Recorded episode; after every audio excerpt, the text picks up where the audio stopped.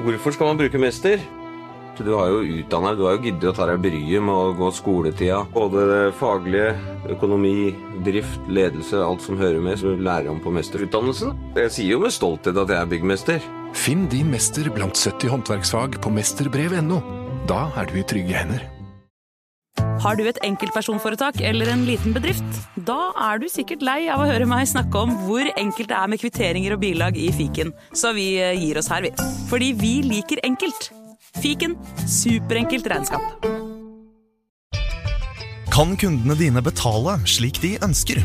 Med betalingsløsninger fra Svea øker du sannsynligheten for at kundene fullfører et kjøp, fordi de finner sitt foretrukne betalingsvalg. Svea vår jobb, din betalingsløsning. Enklere, raskere. Velkommen til Ukraina-podden. Jeg heter Tormod Mollensæter og er journalist og programleder.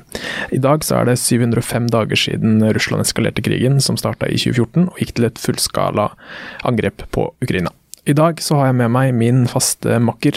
Jørnsen Henriksen, eh, Ukraina-skribent i Nettavisen og leder av Norsk-ukrainske venneforening. Og i dag starter vi som vanlig ved fronten, siste nytt fra krigshandlingene. Og luftangrepene mot Ukraina de fortsetter. Natt til i dag så avfyrte russiske styrker to S-300-raketter og 35 angrepsdroner mot Ukraina. 13, nei, 15 av dronene ble skutt ned, eh, mens både rakettene og Resten av dronene gikk gjennom og traff forskjellige mål. Det er i hvert fall to drept og minst fem skadd.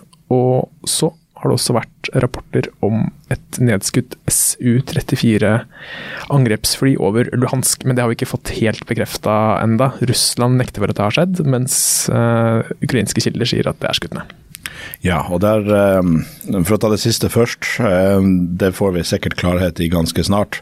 Det vil jo ikke være veldig uvanlig. De har jo skutt ned en god del av akkurat de her flyene. Og det vi vet er at de bruker de til å sende av gårde glidebombene, som både brukes som generell terrorbombing mot sivile mål, men også brukes ved fronten. Og Ukraina har gjennomført noen eh, eh, motangrep i Kupiansk-området de siste 48 timene, der de har tatt tilbake noe territorium. Og der er det meldinger om at når de er på fremmarsj, så blir de truffet av flere av de her glidebombene som Su-34 sender av gårde.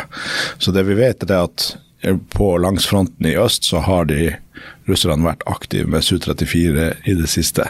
Så det er ikke usannsynlig at uh, hvis ukrainerne har flytta noe luftvern fram i det området, at de kunne ha lykkes med å skyte ned et sånt. Og Er det noe annet som har skjedd på frontlinjen de siste dagene?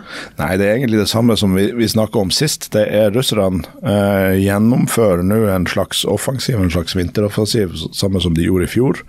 Eh, der de ikke har mye fremgang. De presser seg frem noen plasser gjennom sånne menneskelige bølger. Og så går Ukraina til motangrep andre plasser. Eh, men det er lite, lite bevegelse. Og så vet vi at, eh, som vi har snakket om flere ganger før, at Ukraina mangler mange typer ammunisjon, særlig artillerigranater og bombekastergranater. Men, men også tegn til at de mangler vanlig rifleammunisjon. Når det gjelder de missilangrepene på Ukraina, så er det gode nyheter. For at det vi har snakka en del om, er jo at til tross for at de har fått veldig bra vestlig eh, luftvernsystemer, så mangla de mengde. Så i begynnelsen av krigen så hadde de kvantitet med gamle sovjetiske systemer. Så fikk de en kombinasjon av kvantitet og kvalitet med de vestlige systemene sammen med de. Men så de begynte å gå tom for særlig S-300-missiler og en del andre. Um, så, så, de mangla den kvantiteten. Nå har uh, USA inngått en avtale med Hellas der Hellas får en del eh, våpensystemer fra eh, USA, får bl.a. lov til å kjøpe eh, F-35. Og som en del av den avtalen så sender Hellas alt av sitt sovjetiskproduserte luftvernsystemer til Ukraina. Og Der er det et betydelig antall. Det er både et ganske bra antall med systemer, men viktigst av alt, det er snakk om flere tusen missiler. Så uh, nå får uh, Ukraina påfyll på uh, det vi kan si kvantitetsdel av, av, luftvernet sitt. Så forhåpentligvis så vil det få både bedre trygghet for styrkene langs fronten, men også at de kan sikre de sivile målene bedre. Ja, og det er, ja, som du sier, det er noe Ukraina har hatt en stor mangel på i lang tid. Så vi begynte jo å skrive om det her i Nettavisen allerede i fjor vår. At mm. Ukraina var i en ganske akutt luftvernkrise. Og så har de klart å holde hodet sånn halvveis over vannet. Men en sånn nyhet her er kjærkommen for uh, Ukraina. Utrolig mm. viktig. Uh, og så, uh, når vi først er oppe i lufta, så kan vi også nevne at Ukraina fortsetter å angripe russiske oljeraffinerier. Det var også et angrep mot et uh, oljeraffineri natt til i dag, og det var det også natt til i går. Det skal ikke ha vært gjort noen store skader disse gangene her, hevder russiske kilder. så får vi se. Men det viser i hvert fall at Ukraina på en måte har strammer skrustikka da, på, ja. på den russiske oljeeksporten. Og hvis det er noe som virkelig skader den russiske økonomien, så er det slike angrep som setter olje- og gasseksporten deres ut av spill. Ja, de både skader den russiske økonomien, men, men, også de binder opp styrker. De binder opp eh, materiell for at eh, med den rekkevidden de viser, om, om, det er lokale droner fra, fra spesialstyrker eller eh, motstandsgrupper, eller om de kommer hele veien fra Ukraina, det er litt uklart noen av gangene. Men de, de angriper målet langt nord for Moskva. Så det viser jo sårbarheten til en hel rekke mål mange steder i Russland, som gjør at russerne må ta en vurdering om eh, hvor mye de skal bygge opp punktforsvar av sånne plasser med f.eks. luftvern. Eh, og vi vet jo at de mangler luftvern. De har flytta mye luftvern fra andre steder i Russland til eh, fronten i Ukraina. Så, eh, så, det vil være et problem for dem. Og Akkurat nå så har Ukraina en offensiv på å ta oljeinstallasjoner, men, men med denne kapasiteten som de viser, så, så, kan de jo fort skru over og begynne å angripe flyplasser rundt i Russland. Ja. Og uh, den russiske offensiven da, som starta i oktober, det er som da de prøvde å ta Avdivka første gang, uh, den har da holdt på nå i tre måneder ca. Ja. Ja, og det, vi, snakker, vi, har snakka mye om at den ukrainske offensiven i sommer var en mm. fiasko. Mm. Uh, men jeg har sett noen tall som hvis du sammenligner hvor mye land Ukraina tok i sommer, hvor mm. mye i løpet av tre måneders tid, og hvor mye land Russland har nå tatt i løpet av tre måneder, ja. så er den russiske offensiven enda dårligere. Altså, det er eh, ja, Den ukrainske offensiven ble totalslakta, mens den russiske har eh, Altså, den er ikke i nærheten av det engang. Det, det går sakte fremover. Men ja hver meter. altså Tar du et par meter hver dag, så blir det kilometer til slutt. Men det tar fryktelig lang tid. Ja, og så er det jo um, både den ukrainske offensiven, første delen av den ukrainske offensiven hadde jo som mål å på en måte male opp russiske reserver og, og, og svekke deres uh, deres kapasitet for å senere få et gjennombrudd. Og så klarte de ikke å få det her gjennombruddet, så eh, da er det jo litt ulike meninger om hvor stor verdi denne offensiven hadde. Mens russerne nå eh, nok helt klart de vil ta territorium, men enda viktigere for dem er å påføre ukrainerne tap. Eh, og i og med at, som vi har snakka om, russerne de trener ikke de mobiliserte styrkene sine noe særlig, så at de mister nymobiliserte soldater ikke, er ikke en vesentlig svekkelse av deres kampkraft, for de bare fyller på med mer. Så selv i en situasjon hvis, hvis Russland tar fem ganger så mange soldater som Ukraina, så kan det godt være at det er Ukraina som først blir eh, svekka av, av, et sånt forholdstall. Ja. Og um, hvis vi da, for det, en av de som har fått mye kritikk da, etter at uh, denne ukrainske offensiven gikk skeis, eller i hvert fall fått noe av skylden, kan man si, er den ukrainske forsvarssjefen Valerij Salusjny. Ja. Uh, og det har vært kjent ganske lenge at uh, Salusjny og Ukrainas president Zelenskyj mm. har hatt et veldig anstrengt forhold. Uh, og det har vært snakk om at uh, kanskje Salusjny vil trekke seg og stille som presidentkandidat. Det har vært snakk om at uh, Zelenskyj kanskje vil sparke Salusjny. Og i går kveld plutselig, eh, litt ut av det blå, så eksploderte spesielt Twitter og Telegram med rykter om at Salusjny skulle, eller hadde fått sparken eh, fra Zelenskyj. Og så var internett i, i fyr og flamme en god stund, og ingen skjønte helt hva som skjedde. Det var flere eh, gode og troverdige journalister som sa de hadde forskjellige kilder på at det stemte, mm. men nå ser det ut som han sitter. Ja. Og, det her så vi jo også tidvis med den ukrainske forsvarsministeren. Resnikov. eh, tidligere.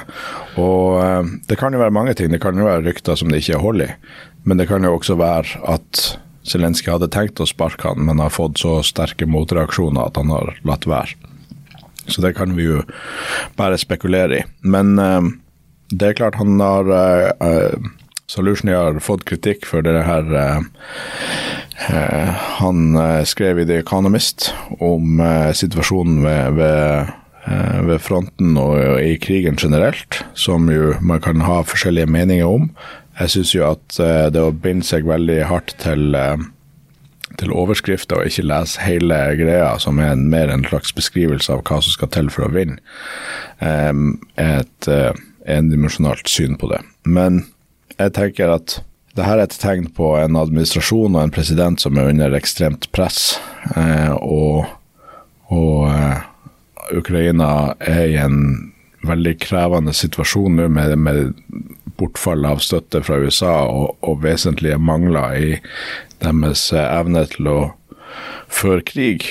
Og ja, på en måte så kan man kritisere øverstkommanderende for det og, og sparke han for manglende resultater, men jeg tenker at det er også litt sånn at hvis du ikke har ammunisjon, så kan du ikke vinne en krig. Og eh, det å sitte i ettertid og tenke at den offensiven skulle ha store muligheter til å lykkes når Ukraina i realiteten ikke har luftmakt, er også veldig krevende å se for seg. Så eh, jeg håper at Solution ikke blir sparka, for det er i det hele tatt en eh, han virker svært kompetent, og det han klarte å få til det første året av den fullskala invasjonen var ekstremt imponerende.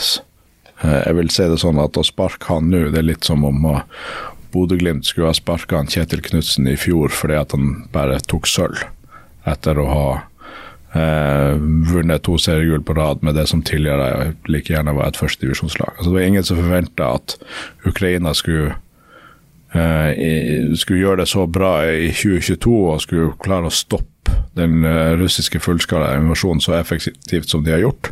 Og ta tilbake så mye land som Ja. de gjorde i 2022. Ikke sant? Så det at de nå er misfornøyd med at ikke krigen er vunnet allerede, det kan man forstå. Og det, det, det tror jeg ikke noen kan sette seg inn i det ekstreme presset som den administrasjonen er under, og i en situasjon som kanskje akkurat nå ser ut til å bli verre og verre. Eh, Så det er forståelig at det skjer, men jeg håper at de har, eh, i tillegg til et varmt hjerte, et kaldt hode, og, og beholde han i posisjonen sin. For han har også veldig stor anerkjennelse internasjonalt blant eh, partnerne som, som skal støtte Ukraina i det her. Ja.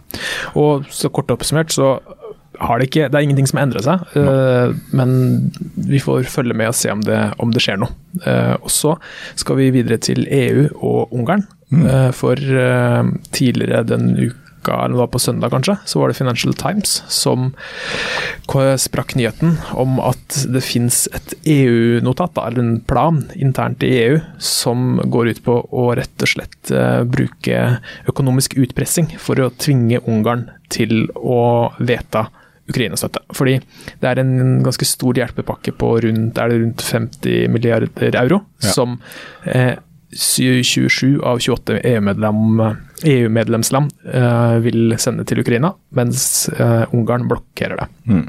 Og da i dette notatet så var det forskjellige eh, taktikker EU kunne, kunne bruke for å tvinge eh, Ungarn til å godta det, ved bl.a. å støtte ja, EU-støtte til Ungarn og rett og slett ødelegge den ungarske økonomien.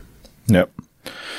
Jeg, jeg syns vi ser konturene eh, her av at eh, de store maktene i EU har bestemt seg for at eh, nå er det nok tull. Eh, USA sin støtte faller bort. Europa må, må trø inn og dra en større del av lasset, og da er det nok, med, nok trenering fra Ungarn. Det begynte med at eh, Scholz ba om å ta en kopp kaffe når de voksne skulle diskutere. Nå ser vi også at Slovakia har snudd 180 grader og er fullt om bord eh, med Ukraina nå, etter å ha vært prorussisk eh, inntil den her eh, overraskende raden med avtale de underskrev. Og lekkinga av det her notatet som du nevner, virker som den type trusselen som skal motivere Ungarn for å komme i mål. Og Det er mye som tyder på at de er på vei dit. Vi så Utenriksministeren til Ungarn var i Ukraina nå og skrev under noen avtaler om, um, om at ungarske minoriteter i Ukraina skulle få tilbake en del av de rettighetene de har hatt fram til 2015 og, og lignende. Så det, og det er snakk om at Viktor Orban skal komme til Kyiv, så det virker som at alle parter nå legger til rette til en litt sånn kombinasjon av eh, carrot and stick med, med, både trusler og belønninger, sånn at eh, Orban kan dra dit og komme hjem med noe i posen og si at ja, nå er vi blitt enige med Ukraina om sånn og sånn og sånn, og så kan de bli en del av den, den felles europeiske støtten til Ukraina. Ja, Orban hisset seg i hvert fall kraftig opp da det her blei kjent. Han gikk ut på X, mm. tidligere kjent som Twitter, eh, og skrev at EU driver med utpressing, og var ikke, ikke fornøyd med denne lekkasjen. Så får vi se hva som skjer. Det skal vedtas på torsdag denne uka, her, hvis jeg ikke tar helt uh, feil. Så ja, det blir spennende å følge med på hva de ender opp med, og om de klarer å vedta den hjelpebåka som har utrolig mye å si for uh, Ukrainas fremtid. Absolutt. Så det. Eh, og så har du Vi har to korrupsjonsnyheter i dag. Vi har en, en god og en dårlig. yeah. ja, og de skal få lov til å starte med en dårlig, Jørn. Ja, det, de ruller opp et nettverk av sentralt plasserte personer i eh, både utenrikstjenesten og uh, forskjellige deler av innkjøps- og forsvars... uh, i Ukraina, som tilsynelatende har svindla 40 millioner dollar, eller uh, underslått 40 millioner dollar, som er et betydelig tall. Og enda verre at det virker som at denne saken går ut på at de skal, skulle eh, kjøpe 100 000 bombekastergranater som aldri er blitt kjøpt, men de har tatt pengene i egen lomme. Og det er jo eh, svært alvorlig i seg sjøl, fordi at korrupsjon er noe som ødelegger samfunn. Men den eneste tingen eh, ukrainske styrker har enda større mangel på enn artillerigranater, er bombekastergranater.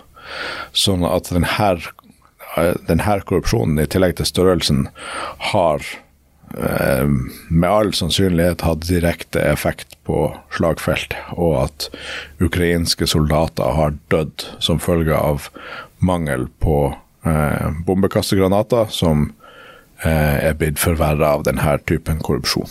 Ja, og 100 000 granater, da, som disse pengene skulle bli brukt til å kjøpe, ja. er en betydelig andel. Altså, det er ikke eh, Det er snakk om mange eh, uker i hvert fall omtrent ukers forbruk. På, ja. på, det meste i høst, måte, under offensiven til Ukraina, så fyrte Ukraina av rundt 7000 artillerigranater om dagen. Så er jeg litt usikker på bombekastegranatforbruket, men det er i hvert fall det er snakk om ukevis med øh, øh, ja, ukevis med forbruk av disse bombekastgranatene, som har ja, veldig mye å si, og veldig alvorlig. Ja, og, og, i en situasjon der du rasjonerer på det her, så er det jo enda mer alvorlig. For det er klart, da vil jo 100 000 eh, granater rekke enda lengre, eller uh, ja, ha en, en, enda større effekt. Men det her uh, det er selvfølgelig en veldig dårlig nyhet, men jeg vil En av de tingene som de gjestene vi hadde i, i forrige uke, fokuserte på når det gjaldt korrupsjon. For at før de stifta det her International Center for Ukrainian Victory, så var jo mange av de, og det er de fortsatt, uh, involvert i sivilsamfunns antikorrupsjonorganisasjoner. Og hun, Olena Halushka uh, nevnte på flere av møtene det som Ukraina har, og som kalles en sånn The Transparency Paradox. Og det er jo det at når du avslører korrupsjon, så blir det eh, slått opp som en skandale, som det jo er, og brukt som et argument for at vi kan ikke støtte Ukraina for at de har så mye korrupsjon. Eh, og det er jo på en måte riktig, samtidig så er det også riktig at enhver sånn her sak som avsløres, er en indikasjon på at antikorrupsjonsarbeidet fungerer. At selv om eh, nasjonen er i en eksistensiell krig, så, så, har de både gjennomført reformer og driver aktiv jakt på, på korrupsjon. Den, slår ned på den og eh, rette opp de, de feilene som skjer. Ja, For nyhetene er utrolig dårlig, men Ja. det er utrolig bra at den nyheten faktisk slipper ut. Da, at, at de blir avslørt. Ja. Og vi hadde et eh, tidligere besøk fra eh, den samme Center for Ukrainian eh, Victory, ei som heter Daria, som også jobber mye med antikorrupsjon. Og jeg beit meg merke i at regjeringa i Ukraina har foreslått en lov som skulle gjøre korrupsjon til sidestilt med Eller at, at korrupsjon kunne regnes som forræderi. Og det argumenterte hun imot, eh, som på vegne av den antikorrupsjonsorganisasjonen som de jobber med, for det er da Altså hvis, hvis noen kan så, eh, Strafferammen for forræderi er jo ekstrem, gjerne. Eh, og hun mente at det gikk utover eh, liberale rettsstatsprinsipp Og blande de to tingene sammen. vel også kanskje vanskeligere å avsløre eller tyste. Hvis du, Ja. hvis, sant, hvis, du, hvis du har mistanke om korrupsjon eller noen du kjenner er litt korrupte, så, så sitter du kanskje litt lenger inn og tipser om det fordi du veit at de risikerer eh, livstid i fengsel eller hva Ikke det sant. måtte være som er straffen. Det var også en av de argumentene hun brukte. Men så tenker jeg på en sånn sak som det her, som, som selv til Ukraina være en veldig stor skandale, og har kanskje hatt en så direkte innvirkning på, på, eh, på, på krigen, så, så kan det jo faktisk være relevant å bringe opp forræderi i det. For at det her er folk som, som sitter i i forsvarsinfrastrukturen til, til landet og har som jobb å sørge for at Ukraina vinner krigen, og så putter de penger i egen lomme. Så at, eh, her har du kanskje et eksempel på at de både har brutt, eh, brutt korrupsjonslover og, og begått forræderi. Så får vi se. Det er nok ikke den siste korrupsjonsskandalen som vi får fra Ukraina. Resnikov, Ukrainas forrige forsvarsminister, måtte gå av pga. flere forskjellige Ja. korrupsjonsskandaler. og Bl.a. innkjøpsprisen på egg til det ukrainske forsvaret lå tre ganger over det du kunne kjøpe egg for i butikken. Og de hadde også kjøpt noen tyrkiske vinteruniformer til langt over eh, kostpris. Ja. Og så var det vel kanskje noe snakk om at de vinteruniformene ikke var eh, spesielt egnet for eh, vinteren. Uansett. Eh, men han, det var ingen som mistenkte Resnikov for å være korrupt. Han, han var på en måte, hadde sine hender rene. Men eh, kritikken mot han gikk på at han ikke gjorde nok for å slå ned på korrupsjonen og, Ja. og få gjort noe med det. Fordi det skjedde i hans departement, på hans vakt, og da er det han som er øverst ansvarlig for det. Ja, og det er det samme prinsippet som vi har i Norge, at det skjer eh, noen ganger at eh, statsråder må gå for noe noen nedover i systemet har gjort, men til syvende og sist er det de som er ansvarlig for feilen deres departement har gjort. Og det er også noe jeg har skjønt er et problem i den ukrainske staten nå, fordi hvis alle tjenestemenn som uh, har vært enten innblanda i korrupsjon eller ikke gjort nok for å stoppe det, får sparken, så vil du da sitte igjen med ganske ribba stat. Da. Altså, da vil du miste da vil på en måte ikke den ukrainske staten fungere godt nok. og Det er derfor det her tar lang tid. Det er ikke bare å eh, bytte ut alt som muligens kanskje har vært involvert i korrupsjon, for da sitter du igjen med, med for få folk, rett og slett. Ja, altså de, Den ukrainske staten er jo på en reise nå fra en situasjon med veldig systemisk utbredt korrupsjon på alle nivå, til å prøve å fjerne korrupsjon. Og det får du, som du sier, du får ikke gjort det over natta. Det må, må gjøres trinn for trinn. Så, men så ser vi jo at det, det, de er jo på en positiv reise, både når det gjelder avsløring og, og det å slå ned på, på den type korrupsjon, men også lovverket og, og reformer i, i, i den ukrainske staten. Yes, og den positive reisen du nevnte der, er den gode nyheten som vi ja, på det introduserte disse korrupsjonsnyhetene som. Fordi eh, hvert eneste år så kommer Transparency International. Så jeg har hørt på engelskkurs og lært meg å uttale, uttale ting på engelsk. Eh, Transparency International eh, kommer hvert eneste år med en korrupsjonsindeks, hvor de rangerer eh, verdens land eh, på en sånn topp- og bunnliste over hvem som er mest korrupt og hvem som er minst korrupt. Og da er det null poeng. Det er, det er liksom bunnoteringa. Da, da kan du ikke bli mer korrupt. Og har du 100 poeng, så er det, liksom, det er toppscoren. Høyere- Bedre blir det ikke. Og det er da, skal vi se, det er 180 land som eh, på en måte blir rangert her. Og i 2023 så rykka Ukraina oppover på lista, dvs. Si at de ble mindre korrupte. Ja. Eh, De rykka også oppover i 2022, altså etter første året med fullskala invasjon, så rykka de litt opp. Eh, Ukraina har nå 36 poeng, som det er en oppgang på tre poeng siden i 2022. Og det plasserer landet på den 104. av 180 mulige plasser, da. Eh, og det er en eh, Ja, det er en solid oppgang. Eh, forrige, i, for 2022 så var de på 116. plass. Det rykka fra 116. til 104. Og det er jo imponerende når det er et land i krig eh, som måtte måte, hvor hele staten står under press, og så klarer du å rykke oppover på denne korrupsjonslista. Ja, og eh, nå husker jeg ikke akkurat tallene, men de, opp, de rykker opp en betydelig antall plasser også fra, 20, eh, fra 2021 til 2022, ja. ja, året Riktig. før. Ikke like mye, faktisk, men de rykka opp, de opp et par plasser. Mm. De, gikk vel opp med ett poeng, tror jeg, fra 2021 til 2022, og gikk opp et par plasser. Eh, og så nå har de da gått opp enda mer da, i løpet av 2023. Ikke sant. Og det jo Og det her er jo det, det nærmeste vi kommer en, en slags eh, kvalitativ eh, undersøkelse av, eh, av korrupsjon i, i Ukraina. Sånn at eh, til tross for sånne nyheter som, som vi har fått nå, så, så må vi også anerkjenne den jobben som gjøres, og at det er noe som prioriteres, til tross for at de eh, helt tydelig har andre utfordringer som nasjon også. Ja, Og så sitter du sikkert nå og lurer på hvordan går det med Russland, da. Ja. Dette landet som skal befri Ukraina fra nazisme og Korrupsjon. ja. Eh, Russland uh, de har mista to poeng siden 2022. Uh, der går det nedover. De er rangert nå på en 141. plass av 180 land. Ja. Så det vil si at det er bare da 39 land, hvis hoderegninga mi ikke ja, farer løgn med meg, som gjør det dårligere enn Russland. De ramla ned fire plasser. Uh, var tidligere på en 137. plass. Mm. Så der går det feil vei. Det går absolutt feil vei, og det her tenker jeg er veldig interessante tall å huske hver gang noen kaller Ukraina et av verdens mest korrupte land. For det, det har ingen rot i virkeligheten å kalle Ukraina det.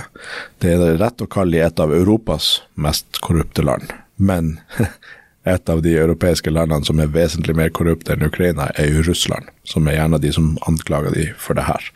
Så Ukraina er på vei til øvre halvdel. De er ikke der enda, men er på vei i riktig retning. Eh, mens eh, Russland nå har så få land under seg at hvis denne trenden fortsetter, så mener jeg at det er veldig kort tid til vi kan kalle de et av verdens mest korrupte land. Du kan vel allerede begynne å snakke om det. Ja. De er på nedre halvdelen av den nedre halvdelen. Ja. De er på den nedre kvarten Ja, nedre kvarten, ja. av eh, lista. Så da, da står det ikke spesielt bra til. Og da vet vi jo at, at mot, bunnen av, mot bunnen av den lista så er det noen land der det er veldig vanskelig å skal kunne konkurrere om, om de plassene. Da skal du være vesentlig gjennomkorrupt hvis du skal klare å komme helt ned dit. Ja, da må du virkelig gjøre en innsats for å bli så, bli så korrupt som mulig, omtrent. Ikke sant? Eh, og så kan vi også ta med at Danmark, Danmark er verdens minst korrupte land. De har 90 poeng av 100 mulige, mens vi i Norge vil ligge på en fjerdeplass med 84 poeng. Ja. Så vi har tydeligvis noen svin på skogen her også. Ja, der tenker jeg at det, Danmark sin score er såpass bra at det å konkurrere med dem Jeg tror det, tror det er vanskelig å få ned vår egen korrupsjon nok. Så kanskje hvis vi kan prøve å få gjennomført noe korrupsjon i Danmark, så er det letteste måten å komme forbi på lista. Ja, Det kommer da fra lederen for Fritt Ukraina, ikke Nettavisen. Så, så akkurat det der. Jeg tror, jeg tror de fleste så eh, humoren i det. Vi kom en kar på Facebook-sida vår her om dagen og skrev at eh, det satt noen C- CIA et eller annet kollaboratører og, og Eller kalte oss for CIA-kollaboratører, så nå får vi jo bare drivstoff til det, det bålet der. Jo da, nei, men jeg har blitt kalt mye, egentlig, både krigshisser og forskjellig. Og jeg skrev noe om eh, krigen i Midtøsten. Da ble jeg for samme innlegget både kalt eh, Mossad-agent og Hamas-terrorist. Så, så eh, merkelapper, de, de kan man få. Jepp. Eh, Jeg tenkte vi skulle ta et par lytterspørsmål Yes. i dag også. Vi har fått et fra Rune. Og han skriver at eh, hei, av det jeg ser og leser og hører fra fronten for tiden, så ser det ikke bra ut for Ukraina. Ukraina sliter med lite utstyr og ammunisjon, og russerne bare pøser på med angrep og nye soldater. Hvor lenge skal USA og Nato sitte og se på denne galskapen før de virkelig kan sende noe til Ukraina som monner på fronten? Ja, jeg veit at de har sendt mye, Men etter det jeg ser og hører, så er det altfor lite. Det virker som de holdt Ukraina på sultegrensen hele tiden, med utstyr til fronten, samtidig som både USA og Nato sier at så klart skal vi sørge for at Russland ikke vinner denne krigen. Det er noe som skurrer her, skriver Rune. Det har Rune helt rett i. Og eh, det er veldig gode poeng han eh, drar fram, og det er en frustrasjon som vi alle sitter med. Men um, og, og, og, det er jo det her at vi, vi, er nødt til å på et eller annet tidspunkt bestemme oss for at Ukraina skal vinne. Og eh, sånn sett så var det jo et interessant uh, leserinnlegg i uh, Stavanger Aftenblad nå, der uh, tidligere norsk finansminister Gunnar Berge og flere andre veteraner fra norsk politikk skrev at Norge burde gi 1000 milliarder til Ukraina og til Ukrainas kamp. Ja, og bare for å um, sette i perspektiv, da, dette Nansen-programmet som går over fem år, mm. eh, som er på en måte et enstemmig storting som har vedtatt, det er 75 milliarder eh, kroner til Ukraina over en femårsperiode. Ikke sant. Og det har blitt hylla verden rundt for å være et veldig viktig og sterkt bidrag. Bare ja. for å sette det i perspektiv, da. Ikke sant. Og, og, og det, er jo, det, er jo, riktig at det er hylla verden rundt, men samtidig så er det sånn eh, eh, Det er litt sånn politikk fungerer òg. Jeg tror at hvis Norge hadde gitt 20 milliarder og ikke 75 milliarder, så ville det likevel vært hylla verden rundt for at mekanismene fungerer sånn at man må skryte av de som gjør noe, i håp om at de skal gjøre mer. Eh, men, men jeg, altså, jeg, kritiserer ikke at 75 milliarder eh, er, er, er, lite. Men det er et interessant perspektiv, og det er, mener det er et skifte i, i, den politiske debatten i Norge og en del andre europeiske land også. Vi ser at det er lignende leserinnlegg i Sverige f.eks., der man tar til orde for en, en, en mange, mange, dobling av støtten til Ukraina. Og det er jo nettopp fordi at uh, vi kan ikke se på det her som et bistandsprosjekt, men en rett og slett en investering i vår egen sikkerhet. At det å sørge for at Ukraina vinner krigen, det reduserer faren for at vi sjøl havner i krig uh, i framtida. Og um, 1000 milliarder eller 500 milliarder, men, men altså, et, et sånn type krafttak, det vil faktisk være noe som monner. Det vil bidra til å løse flere av de problemene som Rune eh, lista opp i lyttespørsmålet sitt. Så jeg, jeg syns det er en interessant debatt, og det, det, det er den banehalvdelen debatten må over i. Hva trenger Ukraina for å vinne, og hvordan skal vi gi det til dem? Istedenfor en politisk diskusjon om hva er et bra støttenivå for en nasjon for, som Norge. Ja, og uh, For å spinne litt videre på det spørsmålet, så er det også sånn at det er en del uh, Sånn som uh, jeg skjønte, så er det fall en del vestlige land som ikke vil at Russland skal vinne. Uh, men de vil heller ikke at Russland skal tape. Altså det, det, er en frykt her for hva som skjer hvis Ukraina uh, vinner og kjører over Russland, for da frykter man hva som kan skje etterpå Russland, og konsekvensene av det. Så han, helt, han er inne på noe der, da, uten at Det har vi snakka litt om før òg, ja. men uh, ja, så, så, han, er helt inne på, han er inne på noe der. Vi har ikke noe godt svar til, til han, men vi får se hvordan det blir framover nå med ja, både amerikansk og EU-støtte, og så får vi se hvordan det blir videre. Jeg er jo en sterk tilhenger av en mer eh, fremoverlent tilnærming, som vi har jo hatt øyeblikk i historien der vi har hatt statsledere som har hatt det her motet. Ronald Reagan var en av de. Han var ikke redd for hva som kunne skje hvis eh, Sovjetunionen gikk på trynet. Han hadde tvert imot et strategisk mål om at Sovjet skulle tape den kalde krigen. Um, og ja, vi overlevde jo Sovjetunionens eh, oppløsning. Så ehm, eh, Og jeg tror ikke Russland kommer til å gå i oppløsning. og, og den her teoretiske tanken om at det kan være at det kommer noen som er verre enn Putin, eh, tenker jeg er en veldig farlig sovepute. Da er det, det, det, det, finnes nesten ingen som er så ille at det ikke teoretisk sett kan komme noen som er verre etterpå. Og da lager man seg sjøl mekanismer som hindrer oss i å, å stoppe veldig farlige folk. Og det er jo ingen tvil om at den måten Russland holder på nå, og har holdt på siden ja, kan begynne med invasjonen av Georgia, men også Tsjetsjenia-krigen, så, så, burde vi ha lært leksene nå at det er på tide at Russland taper skikkelig, og at Ukraina vinner skikkelig. Ja, og skal vi videre til en av våre faste bidragsytere. Eh, Jan Ove, takk for eh, nye spørsmål. Vi setter pris på det. Eh, Janova har to spørsmål. Vi begynner med det første. Eh, når Putin kan gi faen i alt som heter folkerett, Genévekonvensjonen osv., har ikke da FN mistet sin myndighet? Ja, Det er et eh, veldig interessant spørsmål og noe som, som dras opp i, i flere konflikter. Um, det er jo det er mye som er bra med FN, eh, og det at alle er med og, det skaper en arena. at Hvis man klarer å bli enige om noe der, så er det jo bindende. Men så har vi den situasjonen med Sikkerhetsrådet der Russland og Kina har vetorett. Så i denne konflikten så vil jo aldri få Sikkerhetsrådet til å gjøre noe substansielt, siden eh, det landet som utøver bruddene på folkeretten, har vetorett for alle resolusjoner. Ja, og Det har jo på en måte alltid vært uh, FNs store utfordring, da, at ja. de har disse supermaktene som har vetorett, som gjør at de på en måte uh, der de er part, så får man aldri gjort noe. Uh, ja. Et unntak i den historien var jo Koreakrigen, for da hadde du situasjonen med at, eh, at kommunistene hadde grepet makten i Kina og ble utestengt fra Sikkerhetsrådet og Sovjetunionen eh, protesterte mot det med å ikke delta i Sikkerhetsrådet. Så da fikk du Sikkerhetsrådet med på det som kalles for eh, the UN Police Action, med å intervenere i, eh, i Nord-Koreas invasjon av Sør-Korea. Så, så, det er jo et, et eksempel på at nå er det vanskelig.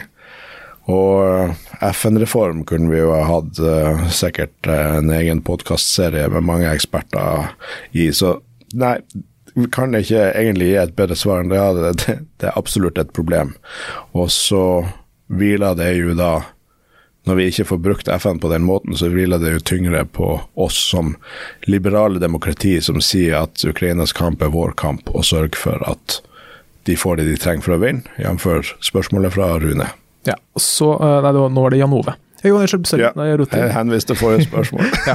Eh, så er det noe som oppfølgingsspørsmål, eller et spørsmål til. Så han lurer på om det er bare han som ser likhetene til Hitlers aggresjon på 30- og 40-tallet. Om han der ramser opp falske folkeavstemninger, beskyttelse av eh, på, eh, for Hitlers del av ariske og nå russiske folk, tilbakeføring av gammelt territorium, fredsbevarende styrker rundt omkring, europeiske politikere som ikke kom med reaksjon kjapt nok, eller i det hele tatt, osv., osv. Ja, nei, det er veldig, veldig, veldig mange relevante paralleller. og og, og, og, det her med eh, ekspansjonistisk eh, Og jeg mener jo at eh, russiske seg, eller ja, Putin-regimet har mange fascistiske trekk som, som, gjør at du kan dra mange paralleller, og at ja, den liksom på en måte uh, appeasement-strategien som Chamberlain og, og, sånn holdt på med i Europa, uh, lyktes ikke. Uh, og den ser ikke ut til å lykkes nå. og når du har noen med den type ekspansjonistiske ambisjoner, så var du rett og slett nødt til å påføre dem et tap for å få dem til å stoppe. Ja, og Så har vi et spørsmål fra Lars, som eh, spør hvorfor endrer ikke Norge lov slash forskrift slik at eh, våpen og stikkvåpen, eksplosiver osv. som tas i beslag eller som kommer inn i våpenamnesti her i Norge, kan doneres til Ukraina istedenfor at det destrueres, samt at eh, dersom kjøretøy osv. Eh, som inndras, kan doneres til Ukraina. For der er det et enormt behov for biler. Eh, dette vil kunne hjelpe Ukraina, skriver Lars. Så lurer han på ja, det tenker det er et godt forslag som, som burde tas tak i. Um, nå er det ikke sikkert at veldig mye av de våpnene som kommer inn under våpenamnestiet kan være relevant for, for Ukraina. Det er kanskje en og annen AG3 og sånn som, som, kunne vært relevant, men, men vi burde jo ikke ha et lovverk som hindrer å gjøre det mulig, spesielt når det gjelder biler og sånn, eh, som, som, kan være relevant. Eh, nå er det vel neppe der slaget kommer til å stå, men samtidig. Vi er alle gode krefter og alle enkelte ting som, som, kan ha nytte for Ukraina, burde vi ikke ha sperre for å kunne gi. Nei, og Det eh, har jo vist seg vanskelig for Norge å endre slike regler. For eh, etter et Nettavisen skrev en sak i sommer, var det vel, eller fjor sommer, om at uh, så, uh, skuddsikre vester og annet beskyttelsesutstyr som var tilhørt politi norsk politi, det har en utløpsdato. Uh, det er jo da best før La oss si det, kanskje det er to års varighet. da. Og når den utløpsdatoen har passert, så sier da norske regler at eh, det skal destrueres. For da er det ikke eh, lenger trygt nok å bruke. Selv om denne vesten kanskje bare ligger på en pult hele tiden, eller uansett ikke vært utsatt for eh, skudd eller annet, eh, annen påvirkning som kan svekke kvaliteten. Og helt fra starten av krigen så kom det et ønske fra Ukraina om at eh, Norge kunne donere eh, sånt beskyttelsesutstyr som var utrangert og utdatert. Men det eh, ville ikke Norge, fordi norske regler sa at det skulle destrueres, så vi kunne ikke snu oss om. Men etter at Nettavisen skrev flere artikler om det her, så snudde til slutt Justisdepartementet, og nå sendes i hvert fall vester og annet beskyttelsesutstyr til Ukraina som ikke lenger eh, oppfyller norske krav. da. Ja. her er en sånn absurd teknokratisk, byråkratisk eh, syn på, på verden som er Ja, du sier det er vanskelig for Norge å endre sånne regler. Det er fordi at det, det er mangel på eh, situasjonsforståelse, politisk vilje, eller altså evne til å forstå at her må vi ta noe ut av den vanlige saksbehandlingsbunken, og så har vi en ekstraordinær situasjon der vi må ta tak. Og alle, alle sånne her typer regler og vedtak er noe som man har bestemt seg for at her, her setter vi linja for når en skuddsikker vest er, er utgått. Den er jo, som ukrainerne sier, på ingen måte ubrukelig av den grunn. Et annet eksempel er eh, jagerfly. Altså, i Vesten så har man eh, noen vedlikeholdsnorm eh, og krav til eh, bruk av jagerfly som er noe sånn som at det skal være en milliontedels sjanse for en katastrofal feil på flyet. Det fører til veldig hyppig vedlikehold og utskiftning av deler og, og sånn. Mens eh, i en krigssituasjon så kan man jo skru ned det kravet. Kanskje det er nok med en titusendels sjanse for en katastrofal feil, og det flyet vil allikevel ha en veldig stor nytte for, for, eh, for de som kriger. Og, og, det er jo sånn Det er på en måte et pennestrøk, men det er hvilken type risiko du er villig til å ta. Jeg forstår at norsk politi ikke vil bruke en skuddsikker vest som er gått ut på dato, men en nasjon som er i en eksistensiell krig, er i en helt, helt annen virkelighet.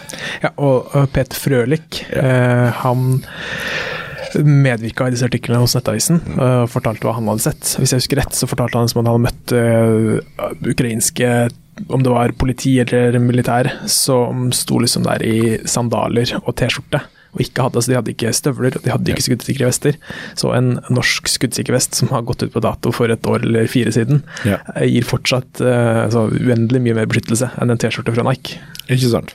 Og vi hadde den offensiven som var i Kharkiv, der Ukraina tok tilbake veldig mye territorium, så vet vi at masse ukrainske soldater døde fordi at de eh, kjørte rundt i helt vanlige sivile biler, for at på det tidspunktet så mangla Ukraina selv lettpansra kjøretøy. Og, og det her vil alltid være historien, og det er noe som vi kommer til å se tilbake på denne krigen, om at de fikk for lite for seint, og at liv kunne ha vært spart gjennom hele krigen hvis de har fått bedre og mer utstyr tidligere. Ja, og nå skal vi ta et ganske eh, kontroversielt lyttespørsmål, som kommer fra. Øyvind. Eh, det handler om ukrainske flyktninger. Og bare sånn for å legge eh, litt faktagrunnlag til bunn, da, før vi begynner å lese opp, så er det sånn at eh, ukrainske flyktninger i dag de har kollektiv beskyttelse i Norge. Så alle som kommer fra Ukraina til Norge og søker eh, ja, ber om opphold, de får det. Sånn no questions asked, omtrent. Eh, og da skal vi til spørsmålet til Øyvind. Han skriver Hei, og tusen takk for all informasjon og oppdateringer dere kommer med. Jeg vil dessverre ta opp et følsomt tema om flyktninger fra Ukraina.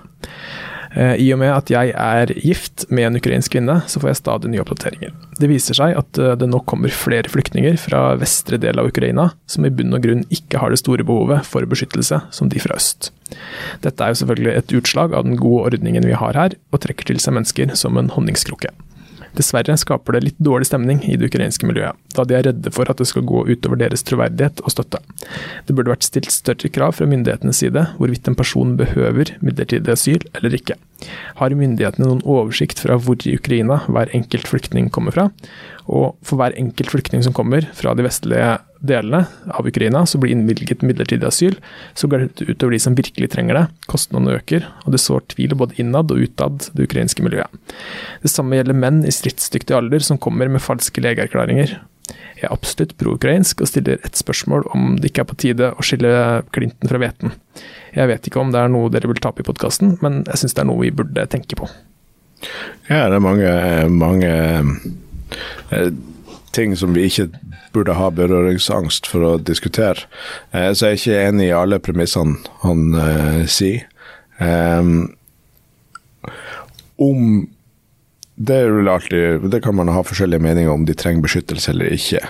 Jeg, eh, som firebarnsfar, har all forståelse for at over tid eh, så må det være en ekstrem belastning å legge ungene sine hver kveld og tenk på om de kommer til å bli drept av en russisk missil i løpet av natta. For det skjer også i Vest-Ukraina? Det skjer i hele Ukraina, sånn at det er ingen steder i Ukraina som er helt trygt. Og det er en situasjon som du kanskje kan ta risikoen å leve med i en periode, men over tid så har jeg forståelse for at folk ikke vil leve sånn. Og så hvor folk kommer ifra. Ja, når kom de til Vest-Ukraina? Når flykta de fra en annen del av Ukraina, f.eks.? Eh, og eh, hvordan er presset på, på boliger og eh, Ukraina sin evne til å håndtere internt fordrevne. Men, men, det er klart, alt har en grense. Og eh, i Norge så, så, har det her selvfølgelig en kostnad. Jeg mener at uh, med tanke på eh, hvordan Norge sin økonomi er, eh, til forskjell fra omtrent alle andre land i Europa og verden, og hvor mye vi har tjent på denne krigen, så er det ikke der slaget står. Jeg tror det er et sånn Moralsk sett så er det mye større utfordring at Ukraina blir tømt for de her folkene. Eh, men det åpenbare svaret for meg på det spørsmålet er jo at vi kan sikre at det blir tryggere for dem å være i Ukraina, med å bidra til at Ukraina får et bedre flyvåpen, f.eks. Vi kan eh, investere i vår egen og deres sikkerhet med å dramatisk øke støtten, sånn at de kan vinne krigen. Eh, det er også en, en relevant problemstilling å ta opp når vi diskuterer forslaget fra Gunnar Berge om 1000 milliarder, er hvor stor blir kostnaden for det norske samfunnet hvis Ukraina skal gå på en kollaps? For at nå har, har, vi 70 000 flyktninger, og vi har, eh, vi har, diskusjoner i debatten på NRK om jeg har tenkt hvis det blir 120 000. Jeg har tenkt hvis det blir to millioner, da. Hvilken, eh, konsekvens får det? Hvilken kostnad har det? Sett opp imot å kunne bruke det vi har over, ja, Vi har ikke overflod av penger, men vi har penger eh, til å kunne avslutte krigen. Sverige diskuterer eh, å ta opp lån for å investere i sitt eget forsvar og støtte Ukraina. Vi, vi, kan diskutere hvor mange prosent av oljefondet vi skal dra ned, og det er snakk om noen få. Kanskje en plass mellom 2 og 6% av oljefondet. Det vil det være, være snakk om. Ja, og Det er jo da også penger som ikke nødvendigvis vil påvirke norsk inflasjon heller. Nei, altså du kan, Hvis de pengene ut, investeres i utlandet, så vil da ikke de gå inn i norsk økonomi og være med på å overopphete den. da. Nei. Så ehm, ja, det, det er absolutt det, det spørsmål som tvinger seg frem. Regjeringa tar også grep for å, for å redusere eh, noen av de godene som de får. Um, jeg mener at det er vanskelig å skulle si at, uh, at uh, ukrainerne ikke har behov for kollektiv beskyttelse. Og så må jeg innrømme at det her spørsmålet om menn i tjenestedyktig alder uh, syns jeg er vanskelig å ta et veldig hardt standpunkt på. På en måte så mener jeg jo at de burde være i Ukraina og tjenestegjøre, og håper at de gjør det. Um, Samtidig så syns jeg det er vanskelig å skulle si at norsk politi liksom skulle begynne å samle opp de og tvangsreturnere de til Ukraina. Eh, det syns jeg eh, er også eh, moralsk problematisk at, at vi skal gjøre. Så um, der eh, feiger jeg ut og har noe veldig klart standpunkt og bare er enig og slår fast at det er en uh, vanskelig problemstilling. Og jeg tenker det er så viktig å snakke om det her òg. Ja. Og, og, fortsette å sende oss litt sånn vanskelige spørsmål. Mm så skal vi prøve å svare på det så godt vi, vi kan. Men det er liksom viktig at vi ikke får noe berøringsangst mm. Eh, her også. Uh, eller her heller, på en måte. Mm. For det, det er vek, uh, veldig, veldig viktig. på fredag, som blir vår neste episode, da får vi besøk av SAS SAS, ja. SAS Medevac. Altså de som flyr skadde ukrainere snakker vi om flyselskapet SAS, og ja. ikke spesial, den britiske spesialstyrken SAS. Riktig. Vi får da besøk eh, derfra. De jobber da med å fly skadde ukrainere fra Polen og til eh, sykehus rundt omkring i Europa.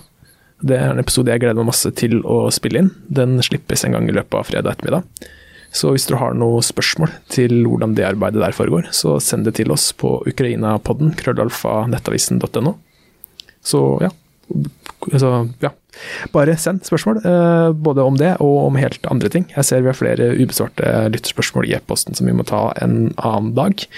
Og så vil jeg gjerne sende ut en liten takk til Halvor Harsem, eh, som er vi skal han en slags ja, en påvirker, influenser, sosiale medier-personlighet, som la ut en lang og hyggelig skrytemelding på Instagram om Ukraina-podden. Det takker vi ydmykt for. Det setter vi veldig pris på får en del, uh, får en del skryt og en del kjeft, så uh, sett pris på alle, alle, tilbakemeldinger, men kanskje spesielt de hyggelige. Ja, spesielt de. Og takk til alle dere som er ivrige følgere eh, av oss også på Facebook, spesielt. Der er det til tider ganske stor aktivitet i kommentarfeltet. Stort sett så går det ganske rolig og ryddig for seg, med, med visse unntak. Men vi må slette noen kommentarer innimellom, både fra si, pro pro-Putin-folk og pro-ukrainere, fordi det, vi må ha også eh, ja, Ikke kalle hverandre stygge ting og sånt der heller. Og det, det går vel litt på presseetikk-greia. Det er ikke en helt eh, Det er ikke en fri arena for eh, alle mulige ytringer. Nei, det kan dere gjøre på andre forum, så vi må forholde oss til presseetikken også i kommentarfeltene våre på Ukraina-podden. Så det er derfor, hvis du ser at et innlag der er sletta, så er det, er det derfor. Vi tenker det er bedre å slette to for mye enn ett for lite, og få få kjeft etterpå. Så kan du tenke, hvis, du, hvis du har fått noe sletta, så kan du tenke, tenke over den eskaleringsstigen i, i, språk. At hvis du tenker på mitt engasjerte, frodige nordnorske språk, og så kanskje ta den ned til en mer litt sånn østlandsk, stoisk eh, språk, så, så, kanskje det blir stående. Ja.